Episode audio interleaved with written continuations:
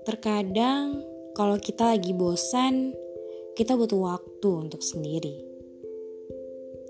Kadang juga, kalau kita lagi marah atau kesel sama hiruk-pikuk kehidupan, kita butuh waktu untuk sendiri. Masing-masing dari kita pasti butuh waktu sendiri untuk bisa menerima keadaan yang kita hadapi. Ruang sendiri hadir untuk kamu yang lagi me time. Lagi ngisi waktu untuk diri sendiri merenung, menambah motivasi, meluruskan hati, dan meredam emosi.